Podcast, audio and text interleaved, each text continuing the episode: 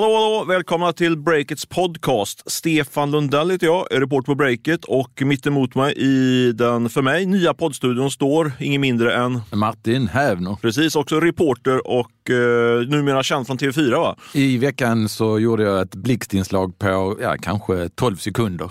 Ja, lite känner länge var det. ja. Väldigt bra. Mycket trevligt att loggan exponeras också i, i Det gillar du, TV4. ja. Ja, det gillar jag. Läget? Ja, men, eh, jag tycker jag, jag gillar höst och jag gillar när det är slutet mot veckan. Så torsdag och höst, då, då är jag i bra form. Ja, och inga spaningar från, från eh, de senaste timmarna i tech-Sverige eller tech-världen?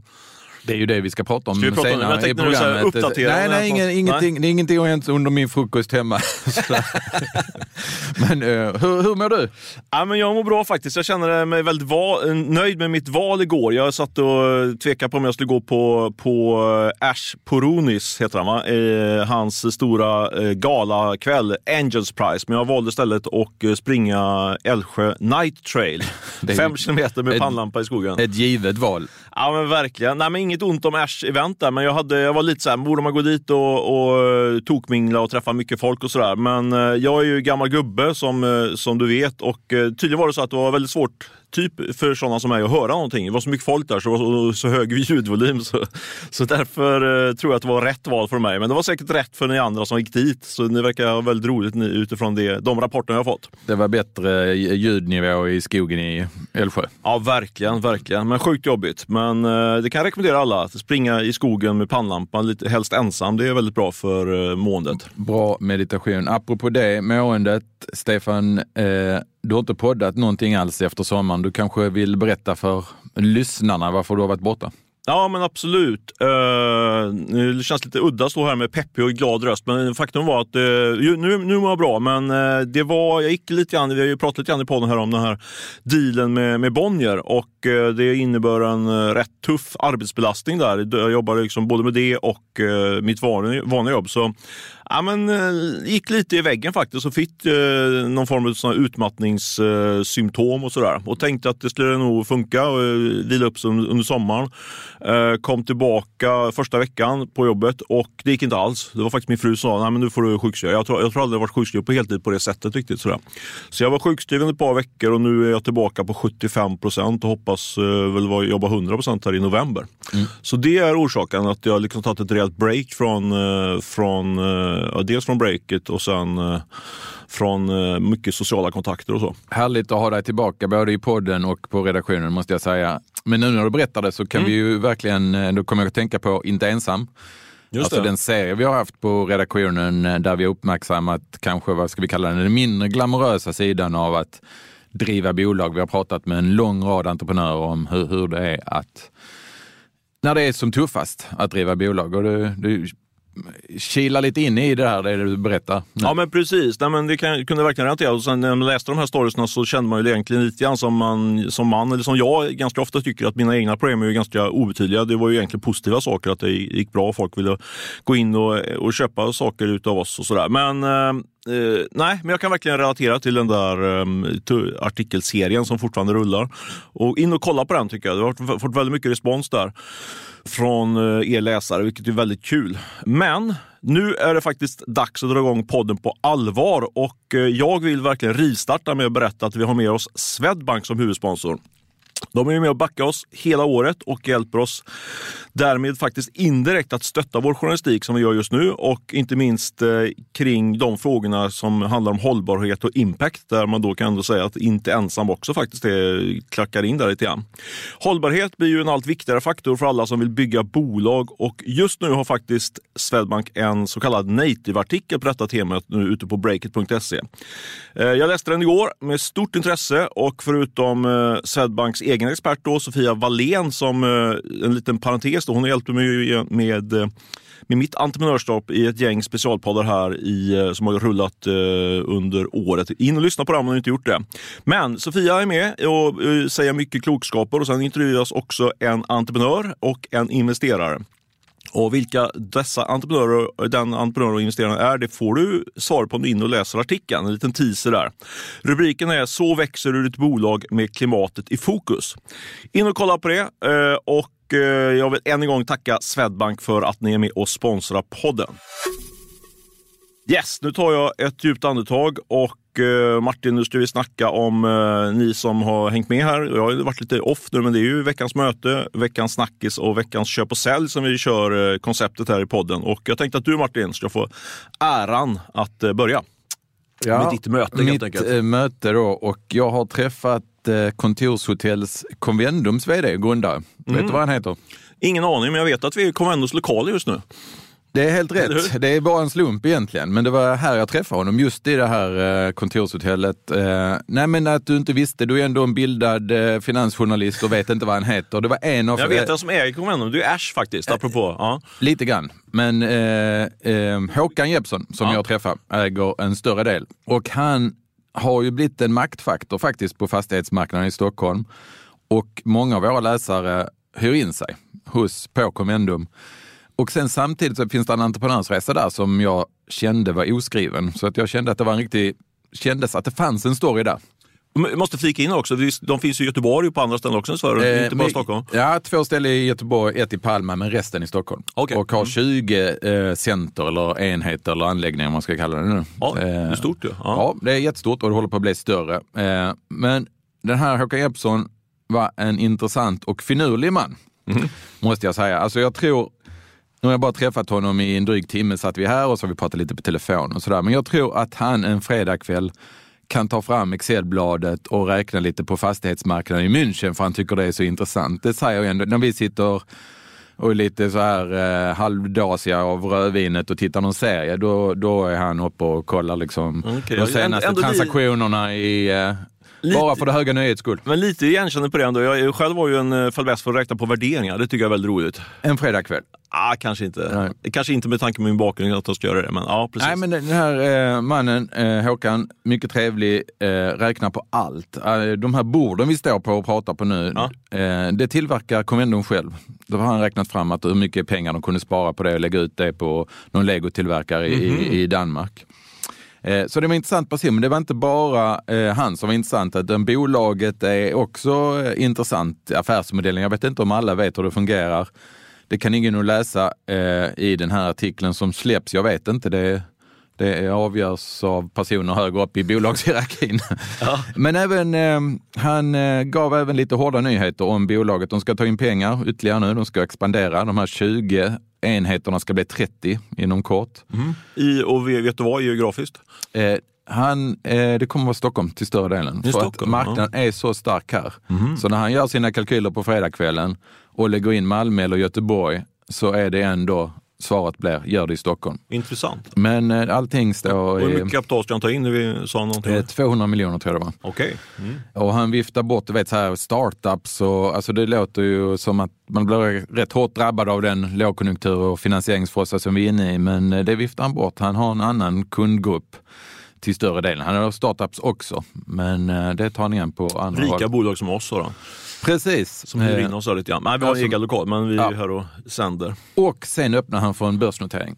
Mm, intressant. Eh. Ja. Inom vilket tidsperspektiv då? Kanske? Ja, han sa vi har inte så brått och kanske han ville göra den här, ha en plan fram till 2025-26 tror jag. Mm. Sen var det kanske dags, men det kunde också bli lite tidigare, lät det som. Men apropå Ash då, det, han är, det är han som är huvudägaren, Håkan Jeppsson? Eller? Håkan Jeps, eller Wallenstam är största ägare. Alltså Ah, det Göteborgsbaserade fastighetsbolaget noterade. Och sen är det familjen Knutsson, vet kasinofamiljen Kasinofamiljen, Knutsson. ja, Ja, och, eh, men eh, Håkan Jeppsson på andra plats, Knutsson på tredje och sen Asch tror jag lite längre ner. Bra, men du, då har- fick jag en radioövergång där faktiskt till mitt möte. För det var ju mycket Göteborgsbaserade fastighetsbolag och spelare där. Den här Knutsson. Absolut, av en slump tror jag Av det en är slump så. faktiskt. Mm. Ja.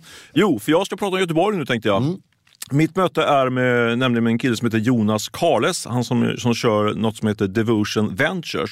Och anledningen till att jag ringde till eh, Jonas det var helt enkelt för att eh, pumpa och sno honom kan man säga på, på research. Det är ofta så man gör, för, i alla fall jag som journalist, att man ringer till massa andra som har bra koll och eh, frågar eh, de personerna. För vi ska göra en, eh, en rätt stor satsning på, på en kartläggning av vilka, vem är vem kan man säga i Tech Göteborg eh, inför vårt eh, event Scale Up Day i Göteborg som går här om en, två veckor ungefär.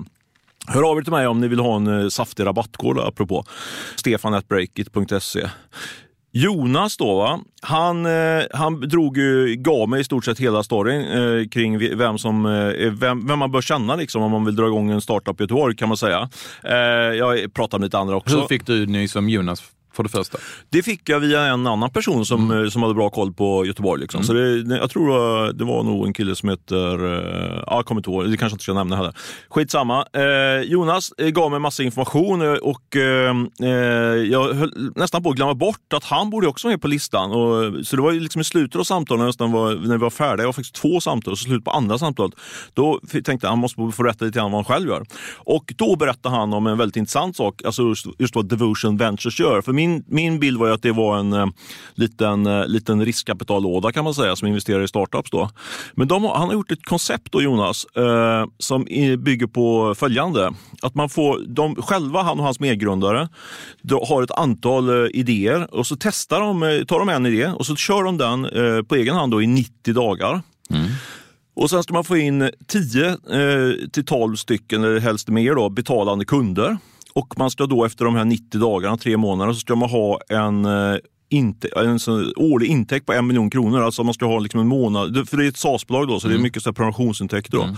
Så de ska ha, ligga på ungefär 80-90 tusen i månaden då för, i prenumerationsintäkter då, efter de här 90 dagarna. Har de det, då kör de och då rekryterar de en grundare eh, som får gå in och köra det här bolaget. Och stoppar in, eh, de stoppar in kanske en miljon i, i det här projektet. Eh, och så får grundaren då lön och ägande. Eh, och de har kört tre koncept eh, så här långt. Och eh, då tänkte jag fråga dig, dels vad du tycker om konceptet men också såklart hur många tror du har liksom blivit någonting? För om det inte funkar efter 90 dagar, då lägger de ner skiten. Liksom.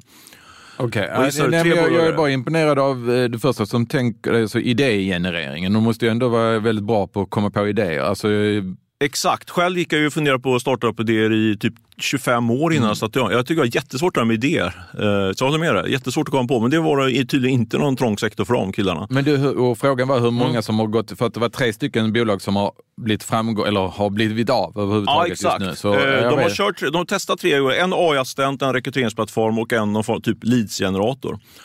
Så hur många av dem tror du är liksom up and running nu då efter, efter de här tre? Så de har kört tre, tre gånger tre månader. Två då? Alla tre faktiskt. Ja. Så han sa ju det liksom till mig att eh, han var, gillar också faktiskt med hans sätt att vara. Han, han tonade ner det liksom, så att det är bara smekmånad sa han, för de har haft liksom ett par idéer som de, som de har trott på, som de har kickat igång med det här. Så han, han var liksom väldigt krass och sa att, eh, eller eh, ödmjuk kan man säga att han var. För han sa liksom att det här kommer ju såklart bli ganska många som inte funkar. Och sådär. Men eh, bra eh, track record, så här, track record så här långt. Och det som är liksom tesen då för Jonas där, eh, som jag också tyckte var smart och kunde delvis känna igen mig i själv, det var att han menar att det finns väldigt många duktiga människor på stora företag, lite mindre företag, som helt enkelt inte vågar hoppa. De har kanske eh, ba, villa, hus och, och vovo och allt. Liksom mm. sådär. De har en stor, eh, måste få in pengar helt enkelt. Mm. De kanske har en månadslön på 100 000 i en dag. De vågar inte hoppa av. Eh, så han menar att det finns en stor eh, oförlöst potential där helt enkelt i, i, Sverige. Så det är liksom hans uh, vision. Och det är det han vill fånga upp, de idéerna som de personerna sitter på? Nej, inte, egentligen. Han, de kommer med idéerna, sen plockar de folk som är dedikerade för att köra det, liksom, kan man säga. Så ja. det är väl så det är. Men jag bara tänker alla mellanchefer på Volvo eller mm. SKF kanske sitter och har en bra idé men vågar inte ta hoppet. De borde ju vända sig till Jonas. Och kan de göra, men det sköna är att de behöver inte ens ha idén nu. De måste ha drivet för det. Jag känner igen mig väldigt, jag var väldigt sugen på att dra igång massa olika saker, men jag tyckte aldrig hittade en bra idé. Liksom. Sen hittade jag breaket då, det gick bra. Men, eh, och sen det här med, med lönen också, det vet jag också när jag hoppade av från break. Det var många som sa till mig, liksom, så här, hur vågar du? För, liksom, eh, eh, eh, och och inte har någon lön helt enkelt. Då. Här får du ju lönen. Och jag frågade också vad får de då i lön? Och det, det, det, det sa att det var också en ett urvalskriterium när de rekryterar in de här entreprenörerna som skulle driva bolagen. De sa så här, det får du själv bestämma. Du har, här har du liksom intäkterna, bestäm själv. Liksom. Och så mär, då märkte man, liksom, sa han, om de var tillräckligt eh, eh committade. Men det var inte, innebar inte att man fick skriva committad om man sa så här, jag behöver inte ha någon lön alls. Utan det var så här, att man skulle ha en realistisk bild av det. Så, att så, det var, så han sa att de låg kanske mellan 50 och 100 000 i månadslön. Så det är, ganska, det är liksom ändå en vd-lön. Liksom så. Så det var mitt möte. Jag det ska bli intressant att följa. Ja, verkligen. Och jag ska försöka träffa det här gänget när jag är på plats i Göteborg. Jag ska till Göteborg nästa vecka faktiskt också. Du, nu är det som vanligt när jag poddar att jag inte andas någonting, jag bara pratar. Ja, men nu, tar, du, tar, du, tar du tio sekunder så kan jag sköta övergången till ja, veckans snackis. Stefans veckans snackis. Mm. Preffarna skapar kaos i tech-Sverige, läser jag här. Ja, precis. Och vi tror att det kan bli en ny våg av rekonstruktioner på grund av det. Men preffar måste vi förklara först. Eh, vad är en preferensaktie, Martin? Jag frågade igår, kan du förklara det? Ja, och jag svamlar lite där. men, men eh, så här är väl egentligen bäst. Alltså, preferensaktie är en aktie som eh, har en annan rättighet än vad stamaktien har kan man säga. Och den kan vara utformad på olika sätt, de här olika rättigheterna som skiljer sig.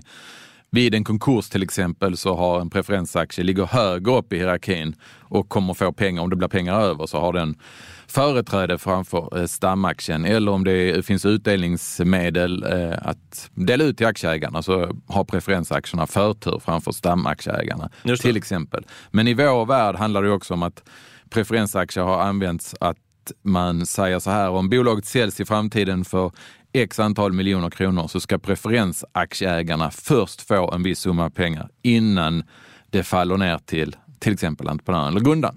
Precis, man brukar prata om ett vattenfall där. Så för att göra det ännu mer konkret, så låt säga att företaget säljs för, för 100 miljoner och så är det en sån här, ett så kallat floor på 100 miljoner. Då är det bara de som äger, och så säger att du, du som grundare har 20 procent av så kallade stamaktier. Eh, men är då golvet där på 100, då får eh, entreprenören ingenting och eh, de som har preferensaktierna får hela summan. Då, så. Precis. så det där är, så, så funkar det. Och detta är ju ett fenomen som kanske kom, jag vet inte, tio år sedan började jag nog kanske det är så svårt att avgöra i tid. Jag, jag, när det kom från, eller vad ja, vi, vi snackade om det. Jag vet själv att jag typ upptäckte det för mm. ungefär tio år sedan. Men då var min bild att nej, jag tror att det här, så vi inte gör bort oss, jag tror att det har funnits ganska länge. Men det, däremot så har det ju blivit väldigt, mer och mer populärt i, i uh, techvärlden. Det kommer från USA och eh, anledningen till att vi tar upp det här i podden är att nu börjar det bli ett reellt problem. För det, det, man kan se en utveckling så att det var, var inte speciellt vanligt. Och sen blir det, ju mer krisigt det blir på techmarknaden så blir det mer och mer vanligt. För det här är ju ett sätt att, att eh, på, lite grann på konstgjord väg hålla uppe värderingen i ett bolag. För du kan ju få in pengar från, eh, från investerare om du, som, som, till, en, till en väldigt hög värdering. Om, om den här investeraren inte är eh, beroende av att den där höga värderingen på kanske 500 miljoner slår in, utan det räcker att man får en värdering på 100 miljoner, för då får du tillbaka dina pengar. Men däremot de andra aktierna får inte tillbaka sina pengar. Så det där har varit väldigt, ett väldigt vanligt fenomen. att man, Det har varit väldigt många preferensaktiestrukturer då, som, man, som man har kunnat eh, se i, eh, i många av de bolagen vi bevakar. Men nu eh, börjar lite grann verkligheten komma ikapp och det är därför vi lyfter det här. För vi, när bolaget nu behöver ta in kapital igen, då, eh, många är ju i den situationen, då är det de nya investerarna som kommer in. De säger så här att men vi vill inte ha de här preferensaktiestrukturerna för det är liksom bort med dem för då, då får inte vi eh, den... Eh, alltså värderingen blir alldeles för hög för den typen av investerare som kommer in. Så de, de vill liksom få, ta bort de här preferensaktiestrukturerna och eh, eh följden blir att eh, det blir liksom ett eh, ska man säga, liksom ett standstill. Det, det, det, det, händer ingenting för investeraren vill komma in och tycker att det är bra bolag. Men eh, värderingen eh, funkar inte med, på grund av att de har den här typen av preferensaktiestrukturer och eh, då blir det en låsning i hela marknaden kan man säga. Eh, jag hörde ett, till exempel, ett exempel här i, i bara för någon dag sedan då, om, från en riktigt tung investerare som sa att han var jättesugen på att gå in i ett fint bolag eh, och han tyckte väl att det där bolaget kanske var värt 200-300 miljoner kronor. Men då låg det här flåret eller golvet då på, på 400 miljoner kronor. Eh, och den som ville ha då eh, investeringen ville, hade, ville dessutom ha en värdering på ungefär 500-600 miljoner kronor. Så att han menar liksom att eh, det är en kombination av liksom orimliga förväntningar från, från entreprenören men också då just att det fanns det här golvet då på 400 miljoner kronor. Så det var liksom helt, det var, det, det var liksom inte, han kunde inte gå in i det här bolaget just på grund av det.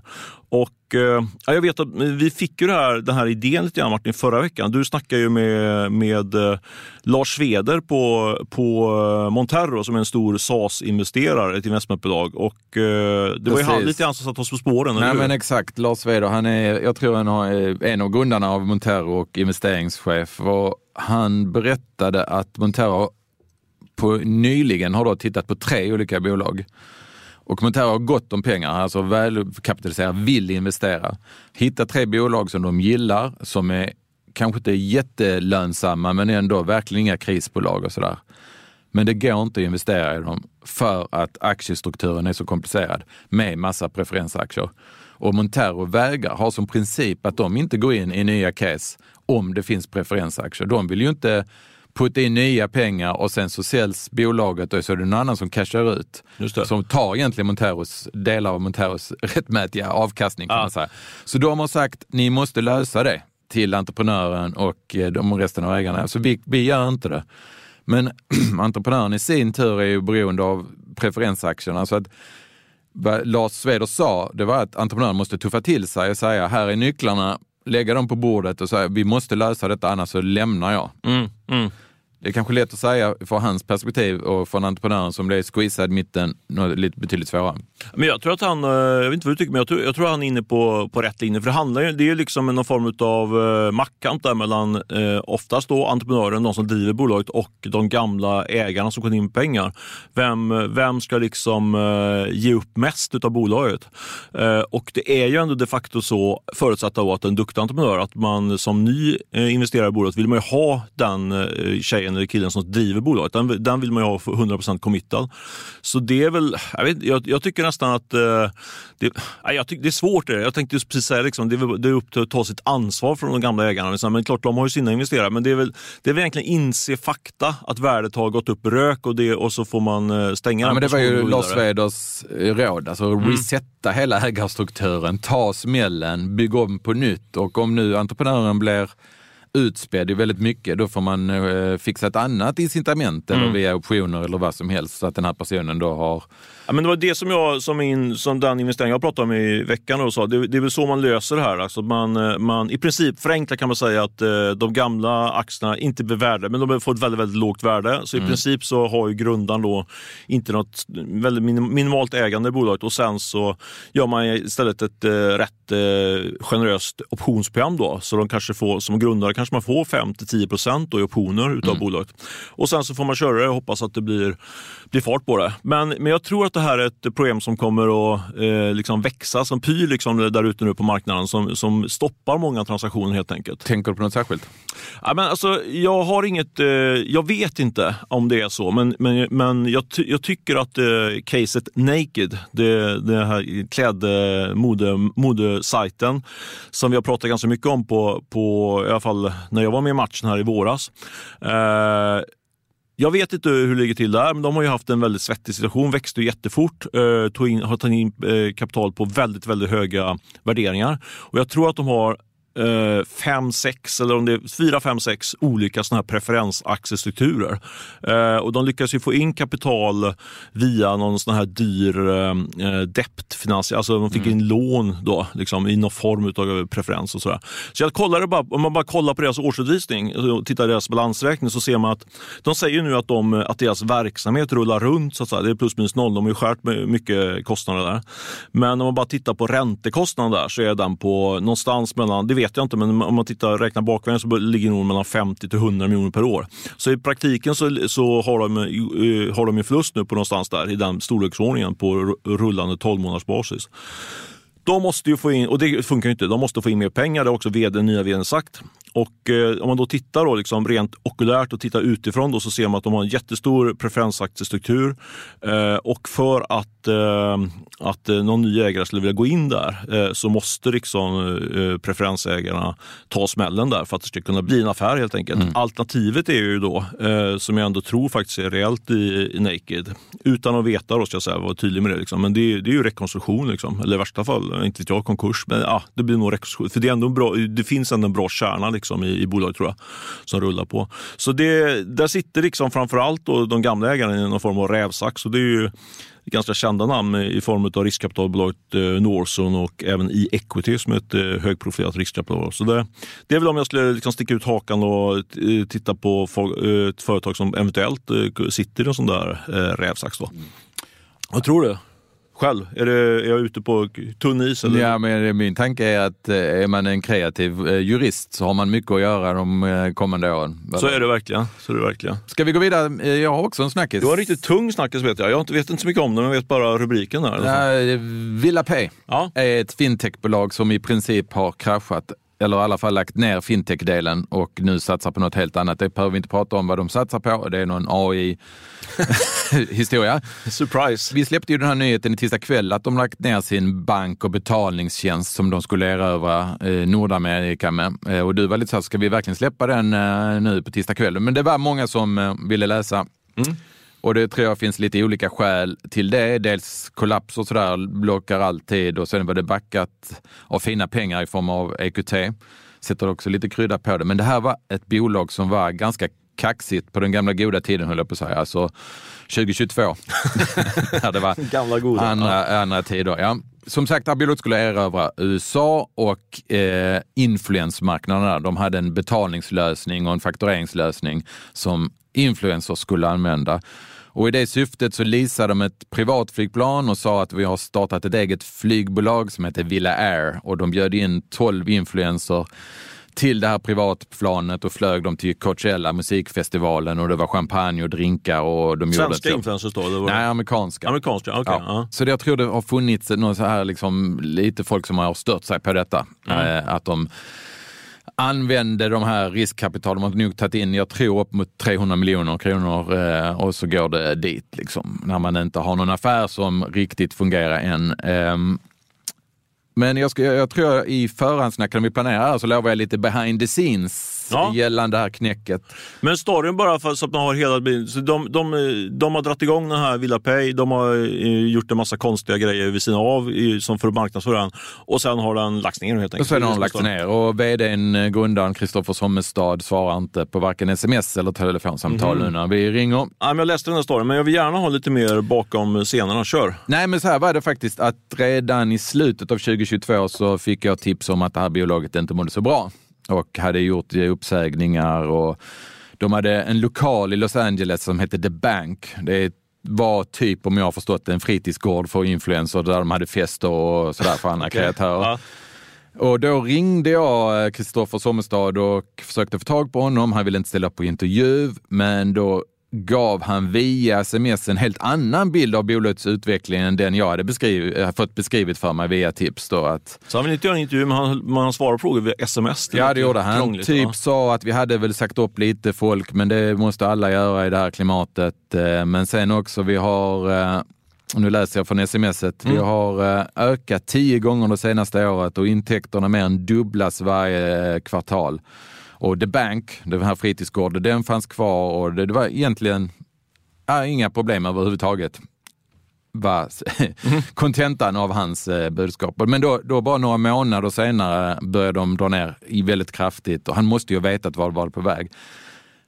Nej, jag bara, jag, han hade väl sina eh, syften att ge den bilden. Man vill ju inte upp innan det är kört. Liksom. Så att, eh, men det är, det är inte konstigt om man blir cynisk med ekonomijournalistik. Alltså, att man aldrig riktigt kan lita på vad som sägs. Nej, precis. Det är väl ett tips tycker jag med folk som, eh, om man nu, antingen säger man sanningen så säger man inga kommentarer. Inte hålla på Nej, men precis. Ja. Vi glömmer ju inte faktiskt. Eller vi vill ju få Martin fram glömmer aldrig. Nej, men faktiskt. Det här, det här, jag blev ju lite misstänksam till hans bild och ville ha svart på vitt att det inte gick så bra. Så därför ägnar jag någon veckor senare eller månader senare när jag tänkte att jag måste ta tag i det här, så ägnade jag oförsvarligt många timmar till att försöka få fram siffrorna över det amerikanska dotterbolaget. de har ett amerikanskt dotterbolag som heter VillaPay där alla intäkter ligger. Kostnaderna ligger till stor del i Sverige och där kan man ju säga att det blir stora förluster, men det finns ingen koncernredovisning. Mm. Så jag vill ha tag på siffrorna för det amerikanska bolaget och sökte i delstaten Delawares företagsregister. Det var ett företagsregister från 1980-talet tror jag. Det var inte helt lätt att förstå sig på. Jag ringde deras helpdesk och fick tag på en kvinna där som eh, steg för steg försökte hjälpa mig fram till då att hitta siffrorna. Och hon blev irriterad för jag förstod inte riktigt vad hon sa och vi satt där rätt länge. Men till slut så råkade jag, eller råkade, eh, lyckades jag beställa en annual tax report för Villa Inc. Den kostar 30 dollar. Spännande. öka pulsen då? Eh, Ja, men det gick inte att beställa elektroniskt, så jag fick beställa den på post då. Den skulle komma från eh, post från Amerikat och jag, eh, jag sprang ut till brevlådan då efter någon vecka varje eftermiddag som ett litet barn. På riktigt? Men, ja, det gjorde jag verkligen. Jag har aldrig hämtat posten någonsin för breaket, men jag fick låna den här nyckeln. Vi har nyckel och så får man ha en kod och springa ut i en annan del av byggnaden. Så jag gjorde det några gånger varje dag. Ja. Men det låg ju aldrig där, så jag blev alltid väldigt besviken. Ja, okej. Men, Men så en dag Ja. så låg kuvertet från Delaware där. Det var några veckor senare. Och jag, ja, då fick jag puls och öppnade. Jag var herregud. Öppnade det här kuvertet. Då låg en sida kallade Annual Tax Report och den enda informationen typ, det var bolagets adress och att vdn hette Kristoffer Sommensson. Inga siffror överhuvudtaget. Ett antiklimax, ja. Bra försök som man säger. Verkligen. Eh, annars kan man ju tycka att något som heter Annual Tax Report låter ju som att det ska innehålla någon slags siffra. Så eh, där stod jag och sen har det legat på vänt och sen nu kan man säga att har vi fått ytterligare indikationer på att det här bolaget inte mår så bra. Så att eh, ska försöka jobba vidare med vad var det som hände egentligen. Mm. Och vi, det kan vi säga, va? Att vi fick, vi fick ett tips helt enkelt. Så, eller? Ja. Som vi kollar upp också. Så det, det är faktiskt kul där med, väldigt roligt tycker jag, en av de roliga sakerna med Breakt, att vi, får, vi jobbar ihop med våra läsare. Vi får väldigt mycket bra tips helt enkelt. Det är vi fullständigt beroende av. Så det är grymt. Fortsätt tipsa till oss, eh, stefanatbreaket.se om ni har något hett men också något glatt att höra av er. Ja, och vet ni mer om Villa P så vet ni var hittar mig också. martinatbreaket.se. Vi har ju vår, eh, vår sl- avslutning här på veckans sälj och köp då, men eh, du har inte Villa Pay som veckans sälj, eller har du? den? Nej. det har jag inte. Jag har eh, några helt andra. Ja, men kör du din- Makarna Nyrenstens. Ja. Men egentligen inte Makarna Nyrensten, utan kommunikationen kring deras nya äventyr. Alltså du tar ju med detta för du hörde på mig. Mm. Jag var på redaktionen och du hörde hur jag stånkade och stönade när pressmeddelanden om deras nya projekt kom.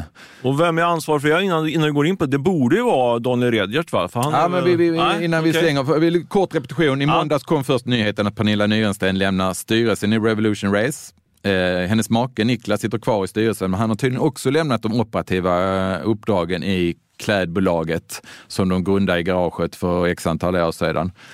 Eh, så nu ska de gå in och bli investerare i lite olika former och det kom lite senare i veckan ett pressmeddelande då från ett eh, First North-noterat bolag som heter Torn International som eh, jobbar med influencer-nätverk. Har du hört talas om det? Ja, vi har skrivit lite grann om honom, inte så mycket, men rapporterat honom. Precis, vi visste att någonting var på gång och sen kom det här pressmeddelandet från Torn International och det var det som fick mig att eh, gå bananas. Eller det, var, det var så eh, slarvigt skrivet, det var syftningsfel, det var allmänt otydligt. Jag ska, ja, det stod så här, det här bolaget ska, som då eh, paret Nyrensten går in i, det är ett dotterbolag till Torn eh, och det här bolaget ska citat bygga brands såsom produkter, AI, webb 3 etc.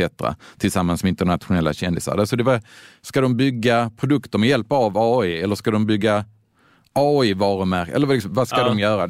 Lite roligt också att de, att de droppar alla, alla buzzwords som finns just nu. Liksom. Precis. Ja. Eh, och sen kom ett pressmeddelande från Redgott, då, PR-konsulten. Och det var Daniel väl Redgott, något, det. något tydligare. Men- Aha, okej, vad bra du sa det. Så det var inte så illa. Daniel har inte gjort, så, gjort bort sig så mycket då. Nej, men inte, inte, så, det, inte så pass. Det var inte klockrent det heller om jag nu får komma med någon åsikt. Det är jag som tar emot det. Och, eh, nej, men man, man ska väl inte döma hunden efter håren och man kanske inte ska döma affärsprojektet efter hur pressreleasen är utformad.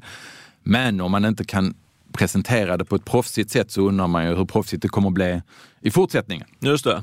Där tror jag att jag med risk för att låta alldeles för inställsam. Jag, jag har ju väldigt höga tankar måste jag säga om, om paret Nyrensten. Jag tror att de, det är spännande att följa den här satsningen. De, de kommer göra, alltså hon är ju riktigt duktig marknadsförare och, och eh, ja, hon har byggt upp eh, Revolution Race på ett väldigt bra sätt. Eh, Så jag menar, det är ändå spännande att följa den där. De har ju mycket pengar och de, och de har örat mot marken. Liksom sådär, så det kan bli bra. Absolut, hon hade kunskaper om, alltså det var det som byggde upp delvis, jag tror det var hans produ- produktkunskap och så var det hennes marknadsföringskunskap som byggde upp Revolution Race. Så det är inte det jag säger, de kanske ser någonting här som vi, varken du eller jag, kan se. Utan det är med, det, men med det får vi se. Men det var, det var, ja, det var, berätta det då, vad är det ni ska göra? Ja, men exakt, exakt. Vi får jaga dem och försöka få dem att tala ut lite bättre. Det är det vi journalister är till för, att paketera budskap så att alla förstår kan man säga. Du, eh, veckans sälj från min del är en nyhet tror jag faktiskt. Eh, Heart Aerospace som vår kollega Åsa Mm. eh, har ju varit och träffat eh, den grundaren, Anders Forslund. Det är ju elflygplan. Mm. Eh, jättestorslagna planer. Eh, jättespännande och lyckas han med det så kommer det bli hur stort som helst. Men jag har i, eh, i, eh, i, min, eh, i mitt arbete här i veckan snappat upp att eh, Heart Aerospace är på väg att göra en ny jättestor finansieringsrunda. Ska ta in eh, någonstans mellan 600 och 700 miljoner kronor. Och jag tänker man kan ju sätta sälj då med tanke på att Anders Anderslöv var ute och sälja bolaget rejält nu. Då, liksom. Men jag tror att han kommer stänga den här rundan. Eh, det är ju starkt i det här klimatet. Det får man säga, men det är väl inte så konstigt att de ska ta in pengar om de ska erövra världens eh, flygplansmarknad. Nej, då lär det behövas pengar. De- Jag tror att de har en väldigt bra uh, orderstort också redan nu Mm. från, från några tunga uh, flygplanstillverkare. Det finns ju bara två i världen i och för sig. Men Men du, hur, ja, precis. Men hur, hur nära är de att skicka upp plan? Vet du det ungefär?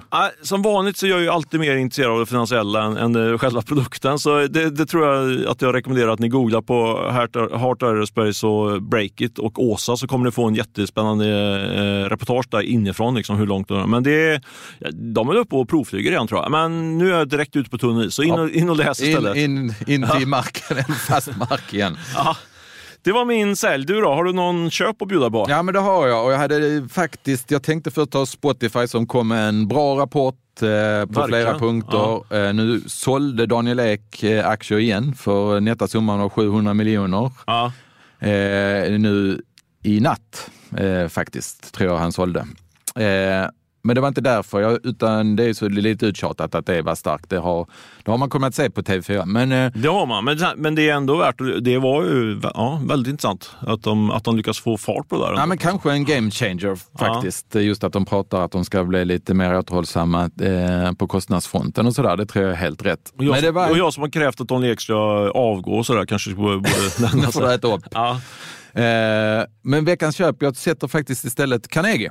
Mm, den gamla investmentbanken. Den anrika investmentbanken. Eh, det är ju inte ett bolag som Breakit skriver om så ofta, men där är ofta Däremot är de ju ofta inblandade i transaktioner på något håll, något hörn. 100 Så procent. Jag tror det, det är de som är absolut mest inblandade i den typen av transaktioner vi skriver. Precis, så det, de de är aktuella för att de köpte Erik Penser Bank.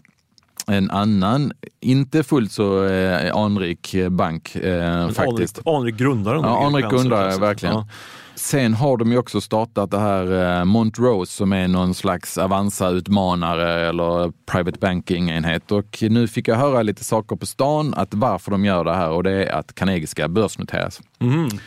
Inom kort, eller kort, inom några, på ett par års sikt i alla fall. Och nu bygger man upp dels lite större kropp, men sen är man också ute efter samma multiplar som Nordnet och Avanza har. Mhm. Så då måste du bygga upp ett case om på privatsidan, eh, dels med Erik Pensers private banking, deras uppdragsanalyser och sen kryddar du det med Montrose, den egna satsningen Men vad på... intressant. För vad ligger ish, vad ligger multiplarna på, på Avanza och Nordnet då? Ja, du, där tar du mig. Jag, jag vågar inte ens gissa för jag gör bort mig, men det är högt över...